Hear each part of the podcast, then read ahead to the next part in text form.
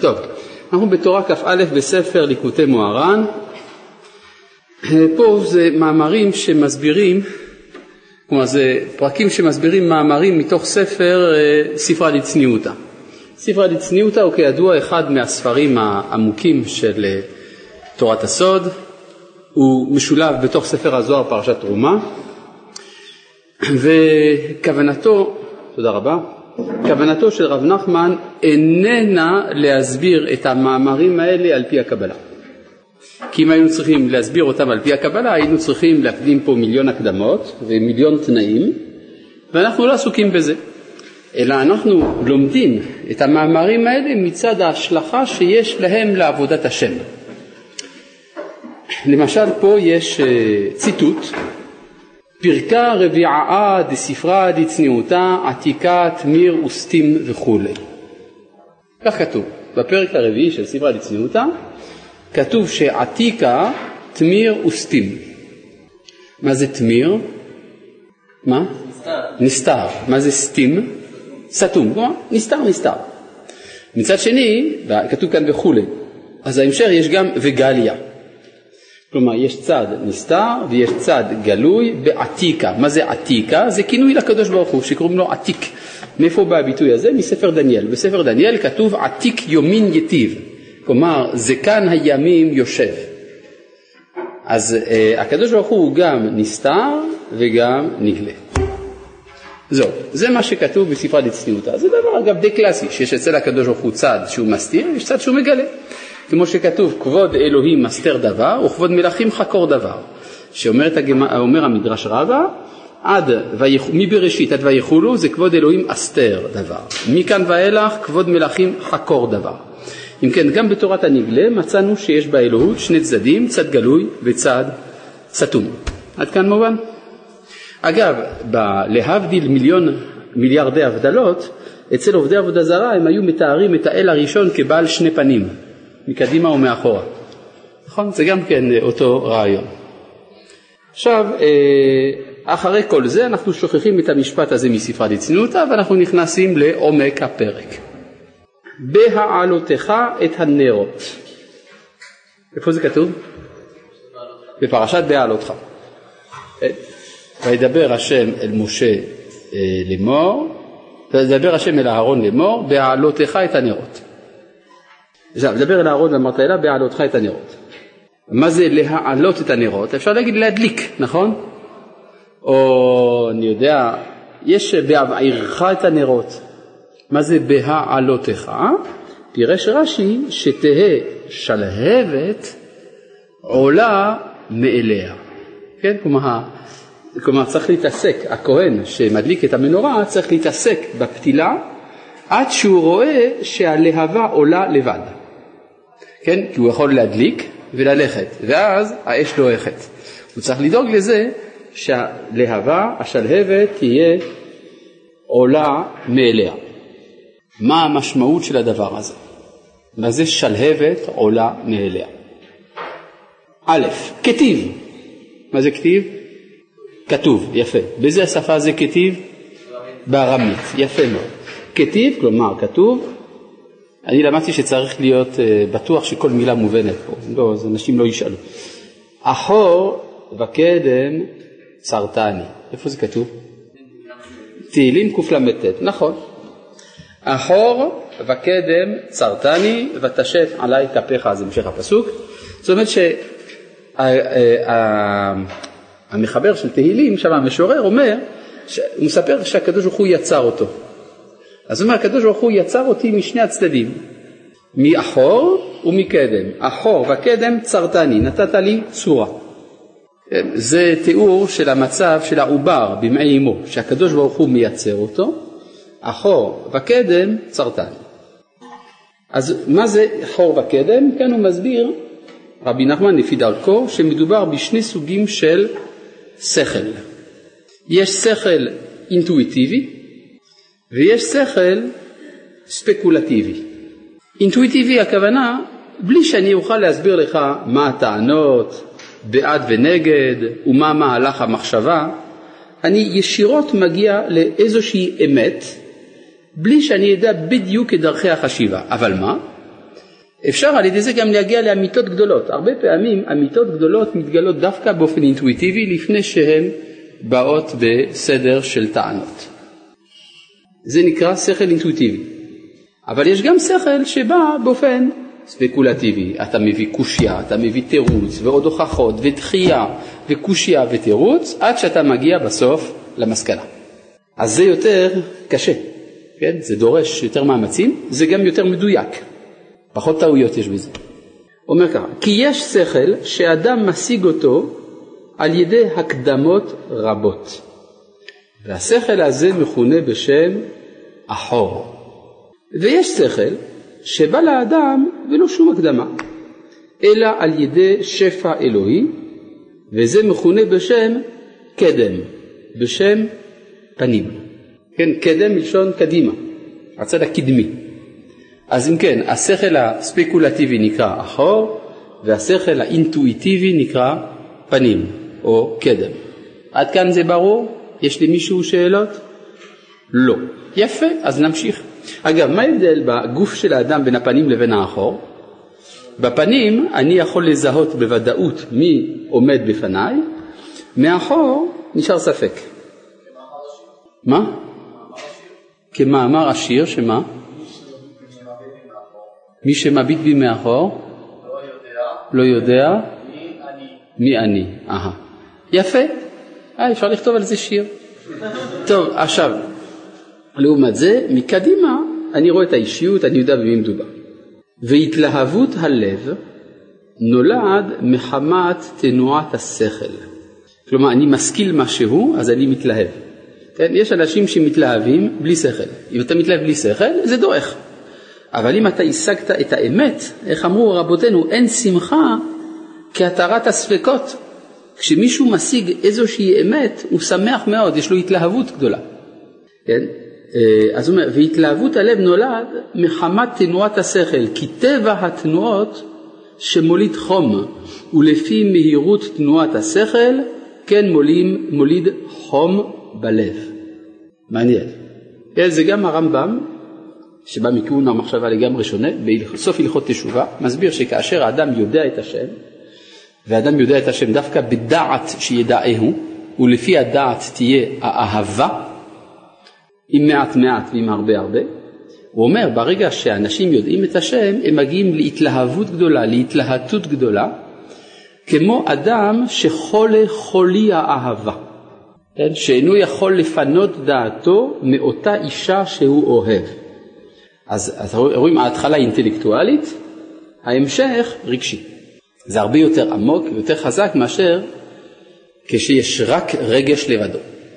נמצא על ידי שפע אלוהי שהשכל נשפע לאדם במהירות שאין צריך להשתמש בשום הקדמה, דהיינו בשכל האינטואיטיבי הנקרא פנים או קדם, על ידי זה המהירות שלהבת הלב עולה תמיד מאליה.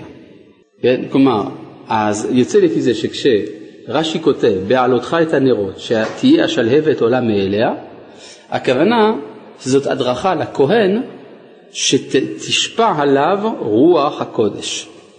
ואז על ידי זה השלהבת של הלב שלו עולה מאליה. כן.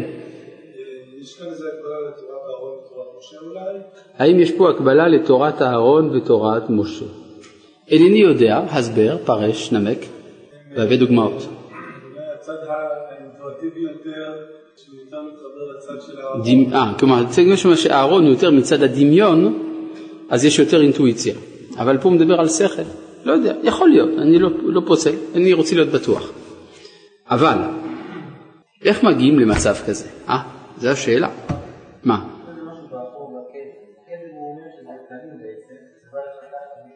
נכון.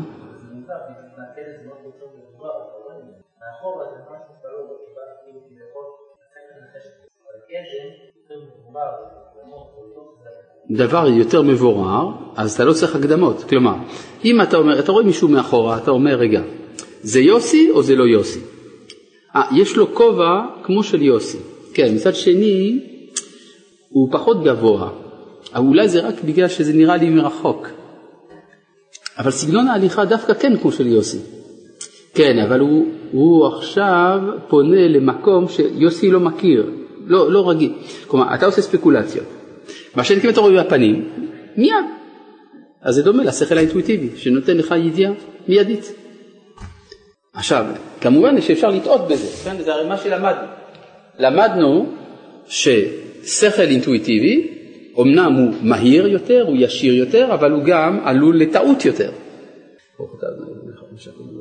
לכן צריך תנאים כדי לזכות לשכל הקדמי הזה.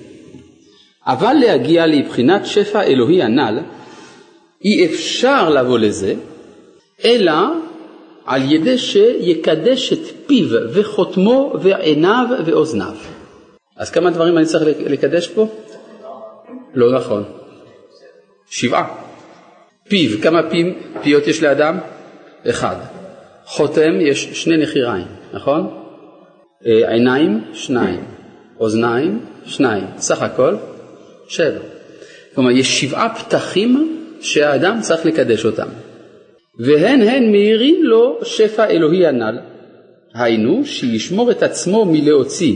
עכשיו הוא מסביר איך, מה זה לקדש את הדברים האלה? מה זה לקדש את הפה? שישמור את עצמו מלהוציא שקר מפיו. זה נקרא קדושת הפה. ויהיה לו יראת שמיים שהוא בחינת חותם, בבחינת בעריכו ביראת השם. אז זה קדושת האף. ויהיה לו אמונת חכמים התלוי באודנין. מה זה אודנין? אוזניים. בבחינת שמע דברי חכמים. זה קדושת האוזניים.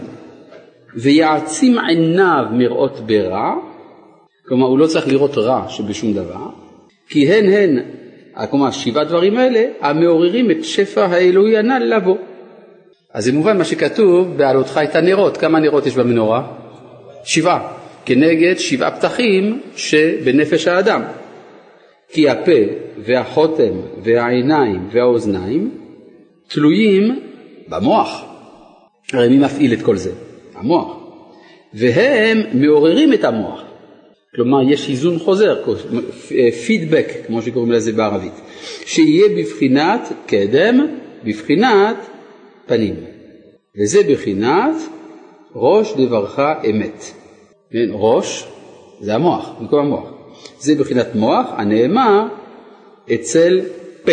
כן, הרי ראש זה המוח, דברך הפה. זה היחס בין המוח לפה. וזה ראשית חוכמה, יראת השם, זה בחינת מוח הנאמר אצל חותם, כי למדנו שהחותם זה יראת השם, שנאמר ועריכו ביראת השם. וזה בחינת הוכח לחכם ויהווקה, זה בחינת מוח הנאמר אצל עודנין, בבחינת שמוע, שמע דברי חכמים. וזה בחינת ותפקחנה עיני שניהם, זה בחינת מוח הנאמר אצל עינין. כלומר, הוא מביא כאן פסוקים שמוכיחים שיש קשר בין המוח לבין הפה, בין המוח לחותם, בין המוח לאוזן, בין המוח לעיניים. והן הן שבעת הנרות, כי פה ותרן נוק וחותמה, וטרן עינין וטרן עודנין הן בבחינת שבעת הנרות. ומנרתא דה רישא, והמנורה עצמה שנושאת את הנרות היא נקראת ראש. איפה זה כתוב שהמנורה היא ראש? בזוהר. היינו המוח ופני המנורה, מה זה הפנים של המנורה, היינו שפע אלוהי הנ"ל. אז אם כן בינתיים הבנו דברים פשוטים, שצריך האדם לזכות כלומר, היותר טוב הוא לזכות לחוכמה האינטואיטיבית הנקראת פנים, וזוכים לה על ידי שאדם מקדש את עצמו בדיבור, ביראת שמיים, בשמיעת דברי חכמים ובעצימת עיניו מראות ברע, שזה נקרא שבעת הנרות, שמכוחם אפשר להגיע לשפע אלוהי שנקרא פני המנורה. פשוט.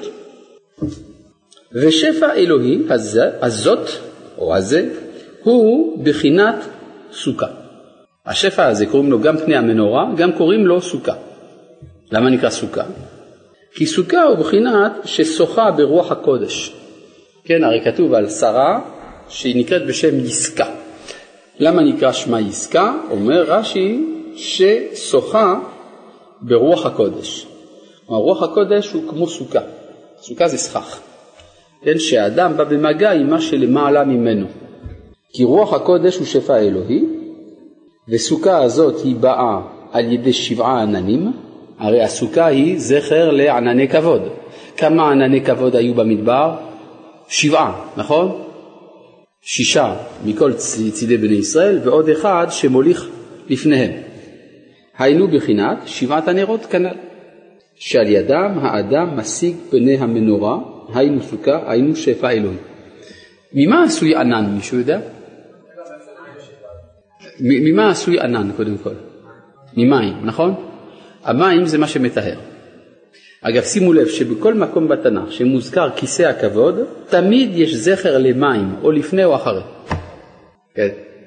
מקולות מים רבים, אדירים משברי ים, נכון כיסאך מאז, נכון? הולך ביחד. מה אתה שואל? מאיפה יודעים ששבעה עננים? זה הגמרא מוכיחה ששבעה עננים. כן? הלאה. לא זוכר. ורוח הקודש, לא, זה לא משובר, זה רואים את זה מה, מהפסוקים עצמם, זה עולה. כן, ורוח הקודש נקרא על שם החוכמה, שהיא רוח חוכמה הבא מקודש כידוע. וזה, שהוא, וזה שאמרו חכמינו זיכרונם לברכה, מניין שאין מסככין אלא בדבר שאין מקבל טומאה ובדבר שגידולו מן הארץ, שנאמר, ועד יעלה מן הארץ.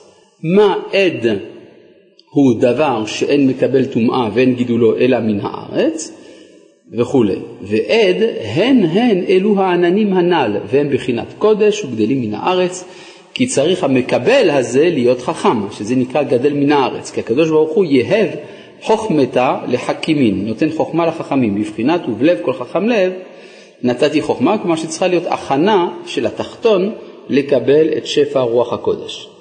וסוכה הנ"ל, היינו רוח הקודש הנ"ל, שפע אלוהי הנ"ל, הוא בבחינת פה יש מילה חשובה ביותר, מקיפין. טוב, זה מושגים שלקוחים מהחוכמה הפנימית, מה פירוש הדבר? מקיף. אם יש מקיף, אז מה יש חוץ מהמקיף? פנימי. פנימי, כן? כלומר יש או אור פנימי או אור מקיף. זה השמות, נכון. מה זה אור פנימי? זה מה שזוכים לו, כן? למשל אדם מקיים מצווה. בזכות המצווה הוא מרגיש איזו הרגשה מיוחדת של שפע קדושה שבא אליו. מה שהוא מרגיש נקרא אור פנימי. ומה עם מה שהוא לא מרגיש? כלומר, החלק היותר גדול, הרי זה שאני מרגיש משהו זה קטן, זה ניצוץ קטן ממה שבאמת כלול במצווה. העיקר לא מורגש על ידי האדם, העיקר נשאר מקיף מסביב. כתוב שהחנווני מקיף.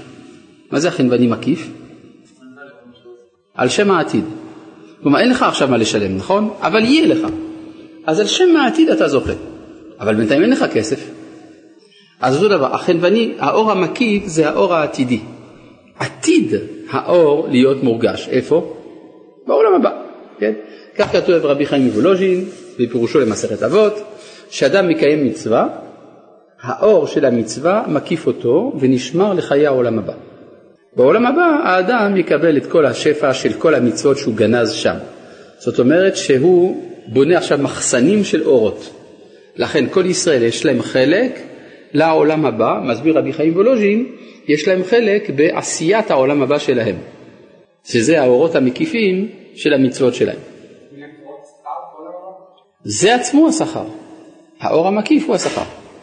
אז זה מה שהוא אומר כאן, וסוכה הנ"ל, היינו רוח הקודש הנ"ל, השפע האלוהי הנ"ל, הוא בחינת מקיפין. שהשכל הזה הוא גדול עד למאוד, עד שאין המוח יכול לסובלו ואין נכנס במוח. כלומר, השכל האינטואיטיבי, השכל הנקרא פנים או הנקרא קדם, או השפע האלוהי הנ"ל, סוכה כנ"ל, זה דבר שאני לא מצליח לקלוט אותו באמת, אלא זה ניצוץ. משהו מזה נכנס בתוכי, העיקר לא מורגש, לא מושג, לא מושג בכלל. אלא הוא מקיף את הראש. כמו שאנו רואים כמה חוכמות עמוקות שאין יכולת במוח האנושי להבין על בוריו. זה מעניין מה שהוא אומר כאן. יש דברים שהשכל שלי מבין, יש דברים שהשכל שלי קצת מבין וקצת לא מבין, או הרבה לא מבין. אבל משהו מזה אני מרגיש. במיוחד כשלומדים רב נחמן, רואים את זה. כן? כמו כמה, עכשיו הוא מביא דוגמה, כמה וכמה מבוכות שאנו נבוכים בהם כמו הידיעה והבחירה, שאין מוח של אנושי יכול להבין את הידיעה הזאת. לא מבינים. כן? הידיעה והבחירה. והשכל הזה הוא בבחינת מקיף, שאין נכנס בפנימיות המוח, כי מקיף אותו מבחוץ. והשכל הפנימי מקבל חיותו מהמקיף הזה. כלומר, יש קצת הערה, יש קצת הסברים לשאלה של הידיעה והבחירה, אבל בסופו של דבר ההבנה האמיתית של. של הסתירה בין ידיעה לבחירה, ההבנה האמיתית הזאת לא נכנסת בתוך המוח. מה אתה רוצה להגיד? מה? עכשיו יש, מה, מה אתה רוצה? שהיא יותר חזקה מהכרה מאחור. אתה צודק. בידיעה ובחירה דווקא אני מודע לזה שאני לא מבין את זה. אבל יש לך אינטואיציה שזה נכון. כלומר, איך אמר רבי עקיבא? הכל צפוי והרשות נתונה. סחטן. מה זה נותן לי? זה נותן לי ודאות שהכל צפוי, כי הרי רבי עקיבא לא ישקר לי. וזה נותן לי גם ודאות שהרשות נתונה, כי רבי עקיבא לא ישקר, לא ישקר לי. אז אינטואיטיבית אני מבין, הכל צפוי והרשות נתונה. אבל איך לסדר את זה ביחד? כן? הכל נתונה והרשות צפוי? זה לא, לא עובד. כן. אז אה, זה מה שאומר שזה נשאר בבחינת מקיף. עכשיו מתוך כך הוא רוצה להגיע למסקנה מרחיקת לכת. כאשר אני כן אדע את הסוד האמיתי של הידיעה והבחירה, אני אפסיק להיות בן אדם. מה אני אהיה? מלאך. המלאכים לא שואלים את עצמם שאלת הידיעה והבחירה, אצלם זה מסודר. אבל אם אני אהיה מלאך, מה ישתנה בי? הבחירה, כי המלאכים אין להם בחירה, מסכנים. כן, כמו שספר רבי שלמה קרליבך, זכותו יגן עלינו, אמן. שאם אדם רואה שאשתו עושה טעות, מה הוא צריך להגיד לה? צריך להגיד לה תודה רבה. כי אם לא היית עושה טעויות, היית מלאך. ואם היית מלאך, היית נשארת בשמיים, ואז לא היינו מתחתנים. איזה מזל שאת עושה טעויות, וזה את אנושית, אפשר להתחתן. מובן? אז גם פה, כן? ודע שזה עיקר כוח הבחירה. כל זמן שהשכל אין כל כך גדול להבין הידיעה והבחירה, אזי כוח הבחירה על מקומו. כי יש בידו כוח לבחור החיים או היפוכו. אבל כשיכנוס המקיף הזה לפנים, ואז יתגדל השכל האנושי, ויתגלה לאנושי הידיעה והבחירה, דווקא אז כשתבין את זה, אז יתבטל הבחירה. כי אז על ידי גידולו של השכל יצא מגדר האנושי ויעלה לגדר מלאך, ואז יתבטל הבחירה.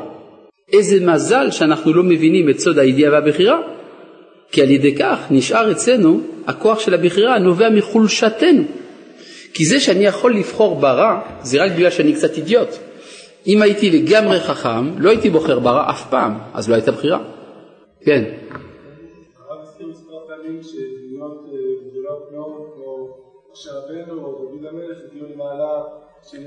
נכון. כן, אפשר לומר. כן, למשל לגבי משה רבנו, נאמר במפורש בפרשת שבת שעברה, שכתוב וישלח מלאך ויוציאנו ממצרים, נכון? מה אומר רש"י? מי זה המלאך? משה. כן, גם לגבי המלאכים, המלאכים, אה, הנביאים נקראים מלאכי השם, נכון? אז יש צד כזה שלפעמים אדם מאבד את הבחירה. אה? כהנים, מה יש לכהנים? הנה, כן, שפתי כהן ישמרו דעת, כי מלאך השם צבאות הוא, כן.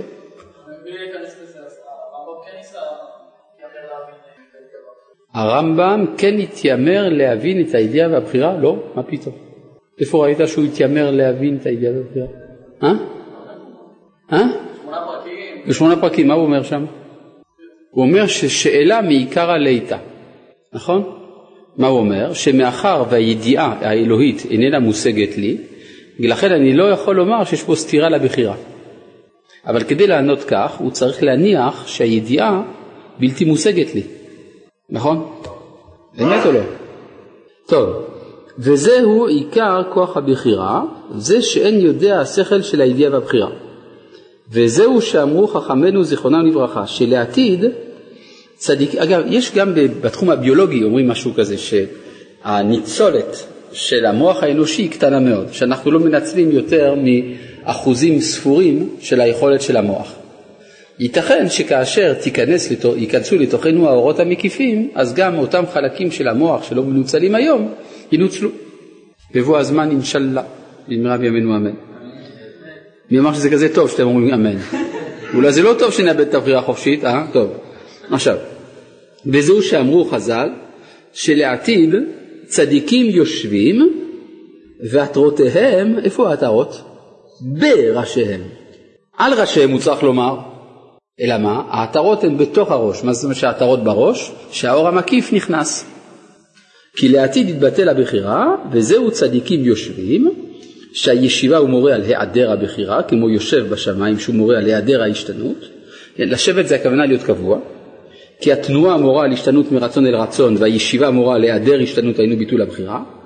וזה מחמד ועטרותיהם, דהיינו המקיפים, כמו שאול ואנשיו עותרים את דוד בראשיהם, ולא על ראשיהם. היינו המקיפים ייכנסו בתוך המוחים לפנים, ואז ייכנסו כל השכליות שלא היה יכול להבין אותם, ייכנסו לפנים בתוך המוחין וידע וישיג אותם, ואז יצא מגדר אנושי ויעלה לגדר מלאך ויתבטל הבחירה.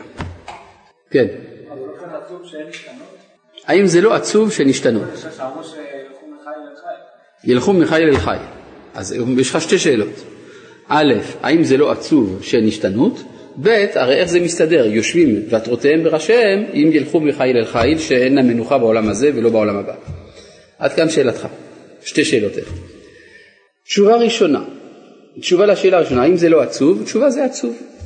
לכן אמרו חכמים במסכת אבות, יפה שעה אחת של תורה ומעשים טובים בעולם הזה מכל חיי העולם הבא.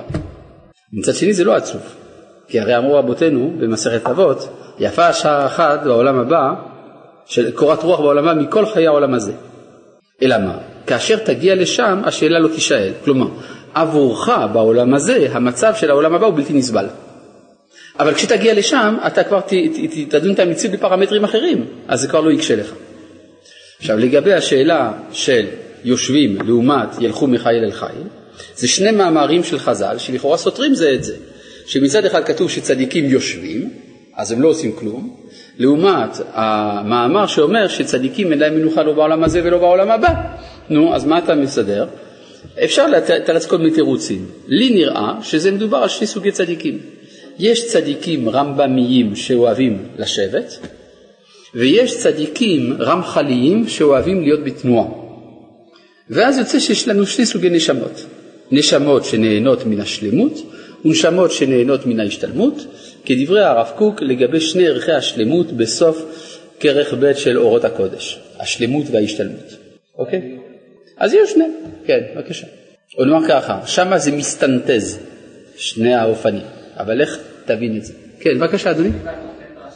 לא שומע. לא, התפילין זה מחוץ לראש, זה בחומר. אה, כשאומרים תפילין שבראש, למשל שיש שני סוגי תפילין, יש תפילין שעל הראש ויש תפילין שבראש, בפנים. כן. נכון, אפשר. טוב. וזה בחינת, כלומר כשהמקיפים נכנסים בפנים, כלומר כשהחוכמה תתרבה, זה בחינת קידושין בחינת חופה. כי שפע אלוהי הנ"ל הוא בחינת קודש, בחינת חופה, מקיפין. כן, הרי החופה זה מקיף. כן, שמתם לב, הייתם פעם בחתונה? רואים שהחתן והכלה הם תחת חופה. מאוד מוזר, לא? הרי החתונה זה עסק שלו ושלה. הם החליטו להתקשר זה בזה. אז למה צריך שיהיה משהו מעל? היא גם מקיפה אותו אצל אחינו האשכנזים. אבל, אבל גם בלי המנהג הזה. קודם כל, הם החליטו להתחתן. אז היה צריך להיות שהקשר יהיה כאן, ביניהם. פתאום הקשר הוא מעליהם. מה קרה? כי כנראה שאיש ואישה מחליטים להתחתן, מה שחל עליהם הוא יותר גדול מהם. אז יש משהו שביניהם, זה הטבעת, ויש משהו שמעליהם, זה החופה. מובן? משהו שחופף. מה אתה אומר? המונחים שאמרנו קודם, רמח"לים, רבניים, איפה אנחנו רואים את המפגש הזה בין שני הנפשות האלה? אחד הדורות? האם ראינו צדיק של דור, אחד מצדיקי הדורות שהוא היה גם רמב"מי וגם רמח"לי? טוב, מן הסתם הרב קוק, לא? כן, בפרק שני ערכי השלמות, לא? הוא מסתדר לו בזה. כן, אבל אה, אולי זה קשור לאופי הקבוע והמתנודד באיזושהי צורה. טוב, על כל פנים זה בחינת קידושין, בחינת חופה. כי שפע האלוהי הנ"ל הוא בחינת קודש, בחינת חופה מקיפין. אגב, זה מסביר דבר שמאוד מרגיז הרבה פעמים את התודעה החילונית במיוחד. אני ואת מתחתנים, אז למה צריך שהרב יהיה פה? לא צריך את הרבנות. מה? אבל צריך לפחות עדים, צריך לפחות עשרה, יש כמה כללים לזה, כלומר, אה, בחברה המערבית החתונה נחשבת כמשהו אישי ביותר ולכן יוצאים לירח דבש. ירח דבש זה שעוזבים את כל העולם כולו ורק אני ואת. בהלכה זה בדיוק הפוך, יש שבע ברכות, לא? שבע ברכות, שבעה ימים מבלבלים לך את המוח. אפילו המנהג הקדום היה שהיו עושים בית מיוחד לחתן והכלה והם היו בחדר הפנימי והשושבינים היו ישנים באותו בית מבחוץ, שבעה ימים, כן? וגם את, את, את התפילות היו עושים באותו מקום, שבע ברכות באותו מקום, זה נקרא בית חתנות, כן? כלומר זה, זה היה, נו מתי כבר תלכו? כן? זה, זה מאוד מעניין הנקודה הזאת, כי זה בא לומר שהחתונה היא מעשה חברתי ולא מעשה פרטי. לכן אה, פעם שמעתי חתן שהסביר דבר מאוד יפה, הוא אמר, כתוב שצריך לשמח, יש מצווה לשמח חתן וכלה. מצווה הכי אידיוטית שיכולה להיות לכאורה. מה זה לשמח? הרי הם שמחים, לא? את מי צריך לשמח? את האבלים. זה אני מבין. יש אדם אבל, לא עליכם, לא עלינו, אז צריך ללכת לנחם אותו, לשמח אותו, אבל לשמח חתן וכלה? אלא מה? אם אתה לא תלך לשמח אותם, הם יחשבו שהשמחה שלהם זה שמחה פרטית. אנחנו אוהבים, אז אנחנו שמחים. אה, לא בשביל זה אתם התחתנתם. אתם צריכים לשמח, לשמוח יחד איתנו. כלומר, החופה מורה על כך שהשמחה איננה עניין פרטי, אלא עניין כללי.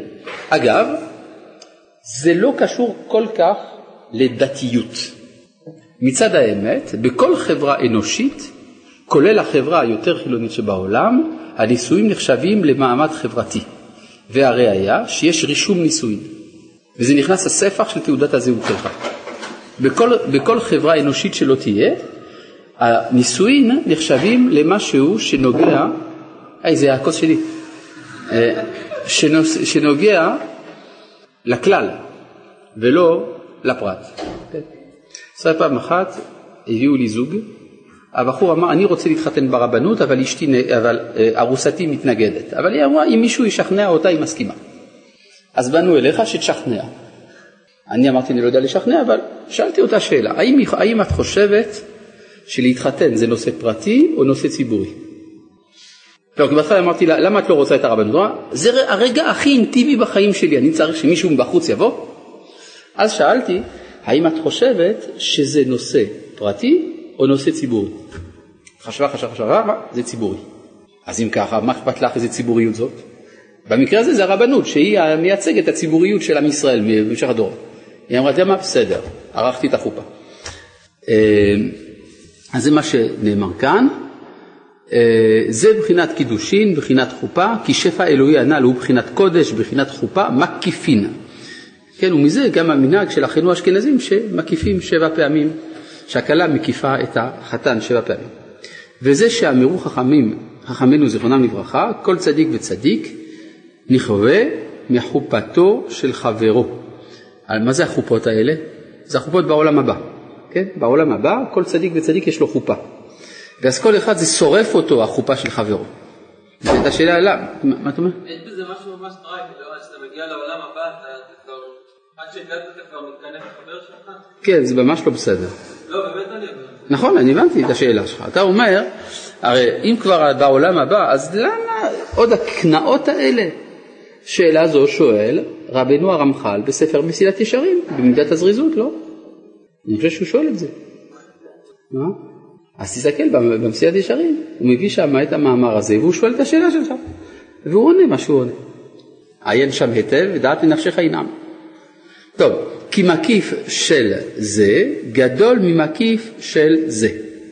האמת היא ככה, אני אגיד לך מה התשובה שלו שם. הוא אומר, לא, לא, ש... לא רציתי שתשתור את עצמך מלעיין שם, אבל בכל זאת.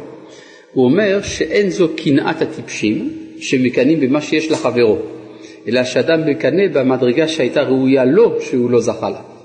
לא מצד שזה של חברו, אלא מצד שזה היה ראוי לו. כאילו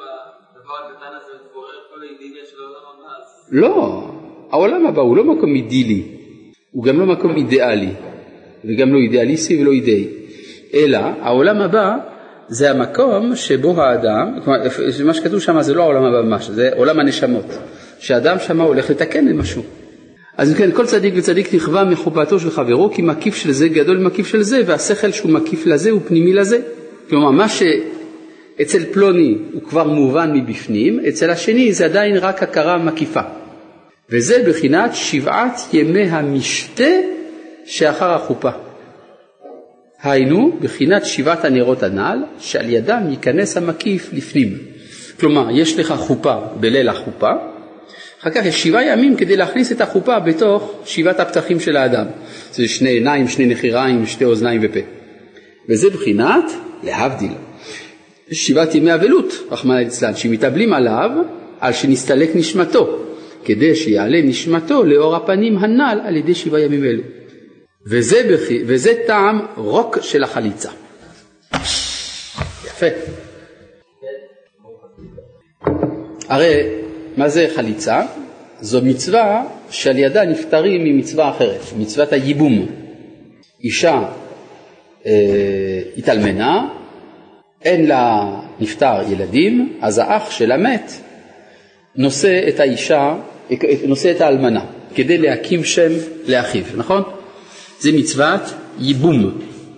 אם האח של המת לא מעוניין בחליצ... בייבום, הוא עושה חליצה. מה זה החליצה? הוא נועל נעל, בא יבימתו, היא חולצת את נעלו מעל רגלו ויורקת, מה? איפה? בפניו. מה זה בפניו? על הרצפה, כן? כלומר, זה לא על פניו, אלא בפניו. כלומר, היא יורקת בפניו, אבל הרוק יורד לארץ.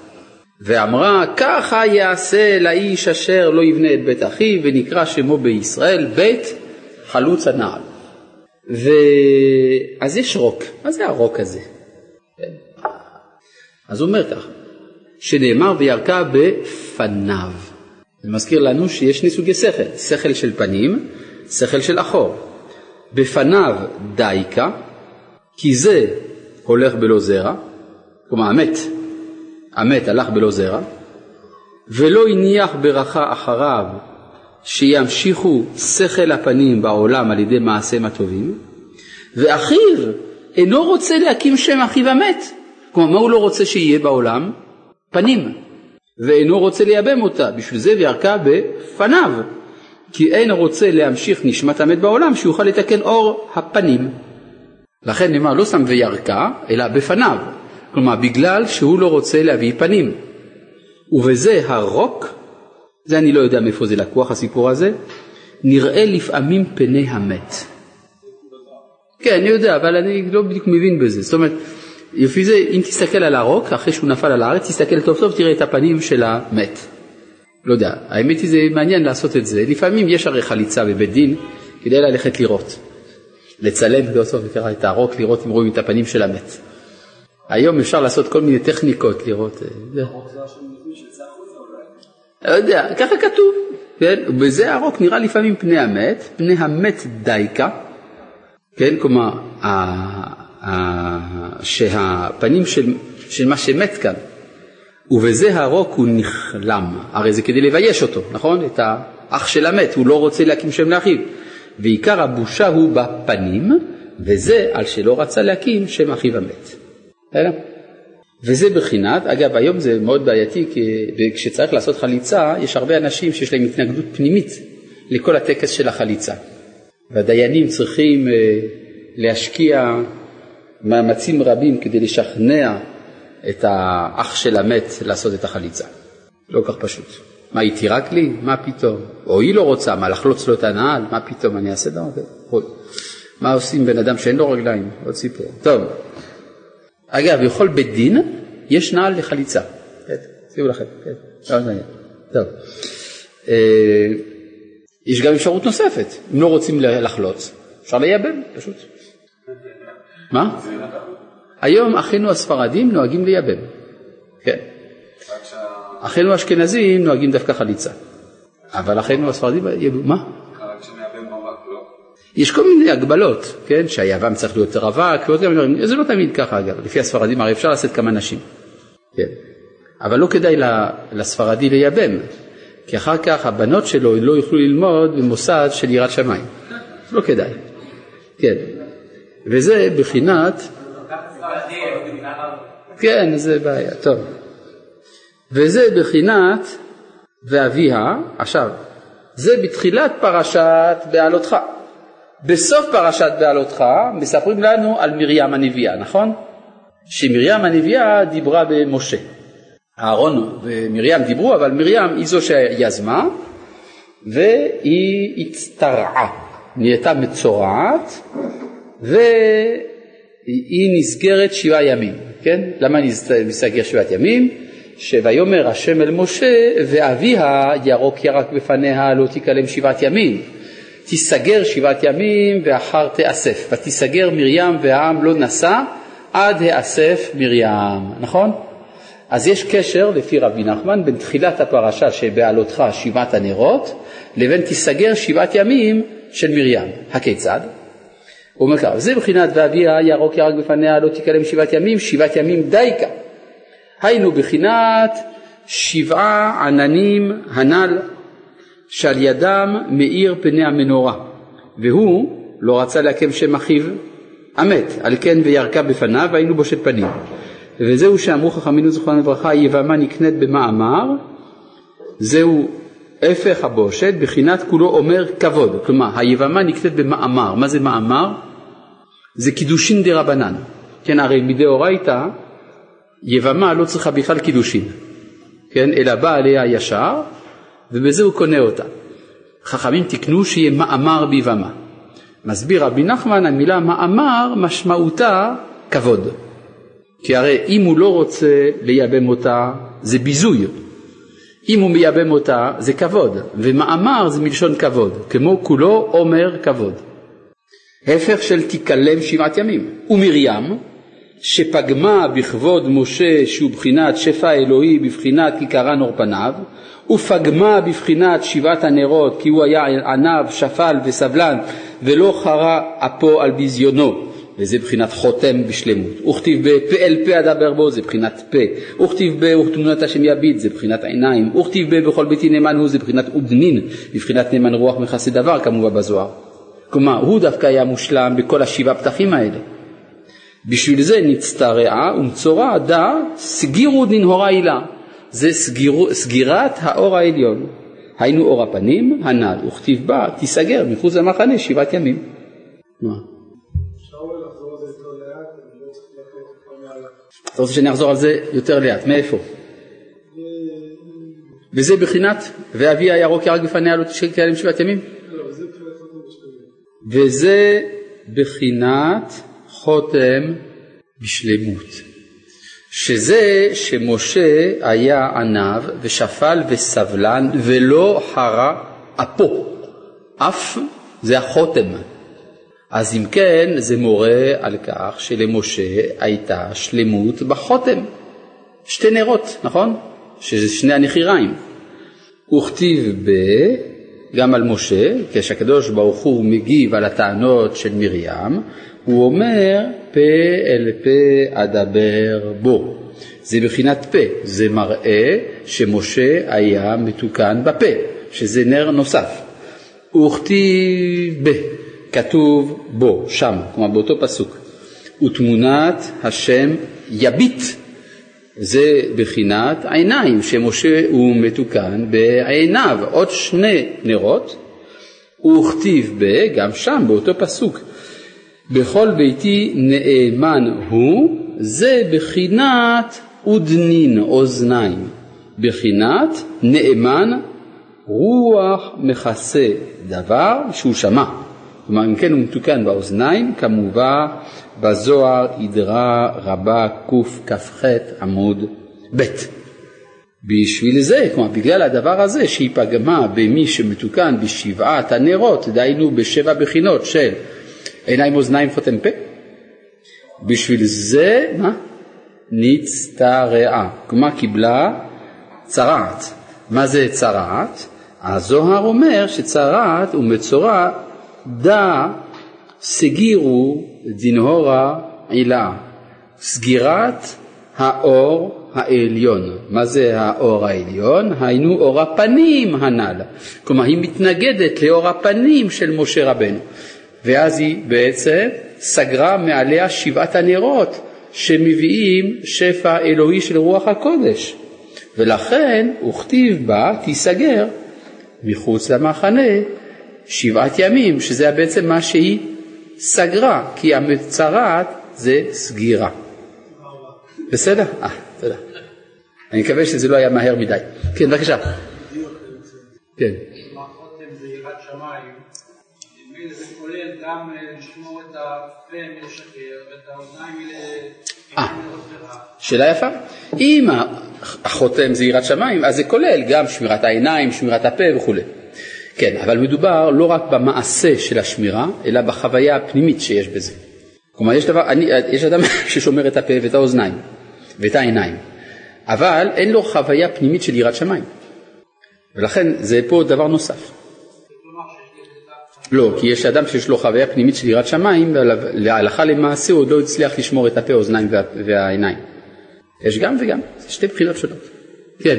לא אפשר לומר דרך ההלצה, שהמקור לאב היהודי זה מכאן, וזה בחינת חותם בשלמות.